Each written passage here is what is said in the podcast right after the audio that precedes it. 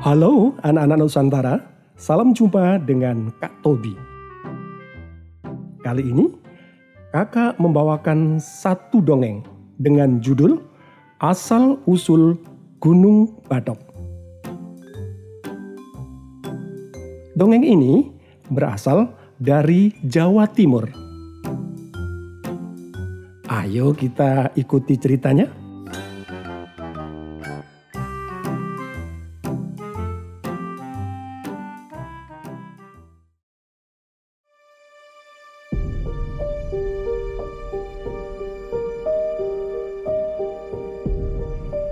Kecantikan Roro Anteng sangatlah terkenal. Tidak hanya di wilayahnya, tetapi juga terdengar sampai ke daerah lain. Ditambah dengan budi pekertinya yang baik, semakin melengkapi kecantikannya. Masyarakat menjulukinya wanita titisan sang dewi. Maka tidak mengherankan jika banyak laki-laki yang ingin menyuntingnya. Termasuk salah satunya adalah perampok sakti.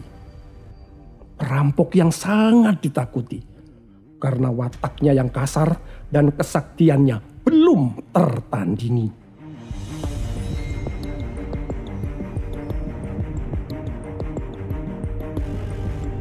Roro Anteng menyampaikan kegelisahannya kepada kekasihnya yaitu Joko Seger. Itulah yang menjadi kegelisahanku Kanda. Bagaimana? Bagaimana cara menolaknya? Nimas, dalam situasi seperti ini, jalan satu-satunya adalah bersandar kepada Sang Yang Widiwasa, Tuhan yang Maha Kuasa. Nah, mumpung hari baik, mulai nanti malam kita bersemedi mohon petunjuk padanya. Baiklah Kanda.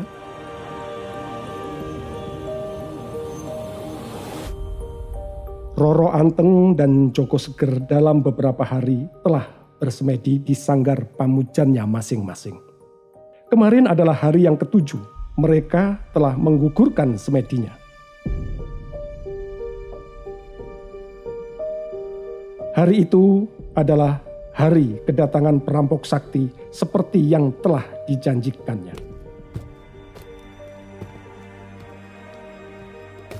Dari kejauhan, suara langkah kakinya sudah terdengar, membuat jantung Roro Anteng semakin berdebar-debar.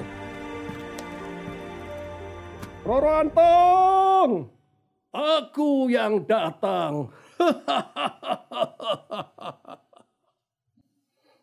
Mm, eh, selamat malam.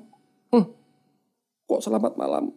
Hmm, maksud saya selamat datang perampok sakti.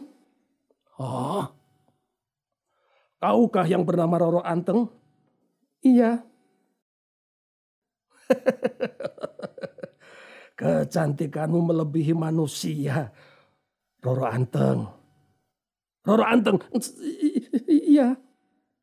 Sudah siapkah untuk kuboyong ke tempatku hari ini?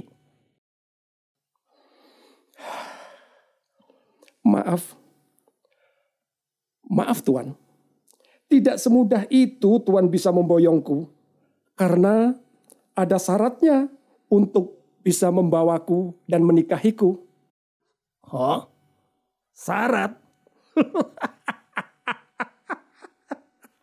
Ayo, ayo katakan Cak Ayu, katakan syarat apa yang kau minta. Tuan, harus bisa membuatkan aku lautan di atas Gunung Bromo. Apa? Lautan?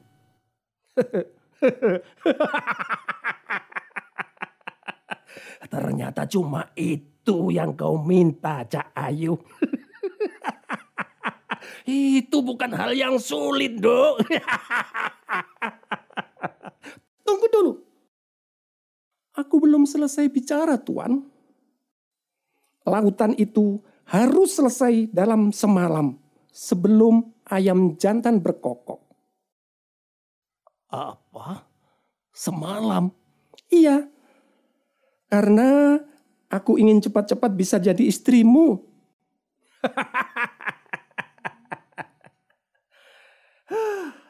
Ternyata kamu tidak saja cantik, tetapi juga cerdas. Ojo khawatir Cahayu, jangan khawatir. Besok sebelum matahari terbit, dirimu sudah bisa melihat lautan itu. Kanda pamit dulu ya, Roro Anteng.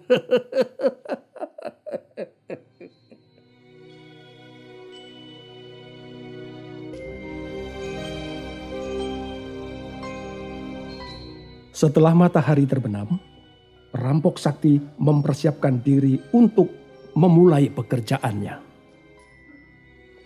Dia duduk di batu besar, bibirnya berkomat kamit. Wahai penguasa malam, wahai penguasa kegelapan, datanglah, datanglah, datanglah. Aku perlu kerjamu untuk memenuhi permintaan kekasihku, Roro Anteng. Datanglah!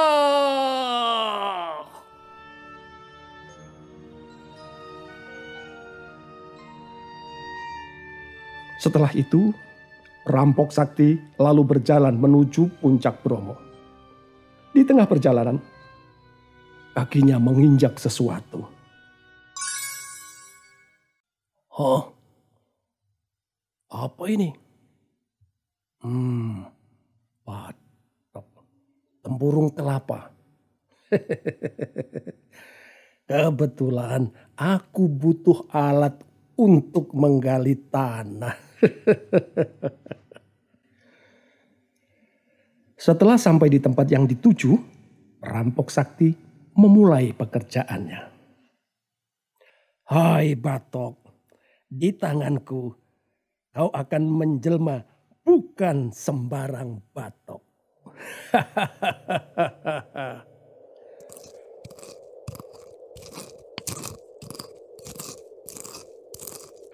Benar, Batok itu diputar semakin lama semakin kencang dan semakin membesar. Putarannya mampu menggali tanah dengan mudah. Tanah galiannya terlempar ke kiri dan ke kanan cepat sekali. Dan tempurung itu benar-benar berubah menjadi mesin penggali tanah yang sangat mutakhir. Maka baru tengah malam laut itu hampir selesai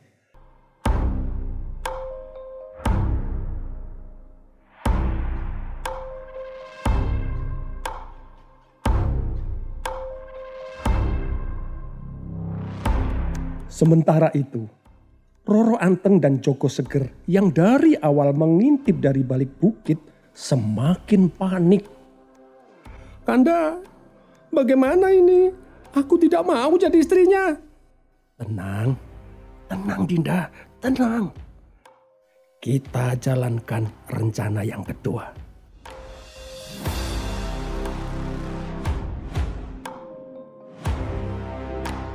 Tidak lama kemudian, di tengah-tengah perampok sakti yang bekerja, tiba-tiba terdengar suara lesung bertalu-talu. Dan di ufuk timur muncul cahaya kemerahan. Lalu terdengarlah ayam jantan berkokok bersahut-sahutan. Hah? Apa aku tidak salah dengar? Ayam berkokok. Hah, sial, sia-sia kerja kerasku. Aku gagal mendapatkan Roro Anteng. Dan kamu lagi, Batok, kamu tidak berguna.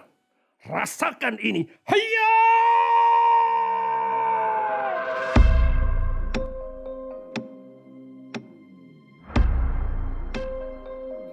Dengan geram, rampok sakti melempar batok ke udara. Tempurung itu berputar-putar lalu jatuh berdebum sangat keras dalam kondisi tertelungkup. Dan Rampok sakti itu berlari dengan kencang meninggalkan tempat itu.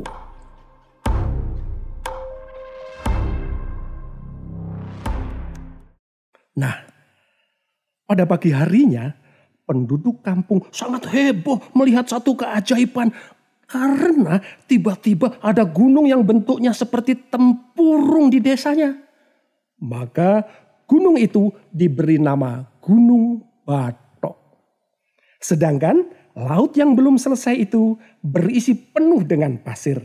Maka masyarakat setempat memberi nama Segoro Wedi atau lautan pasir.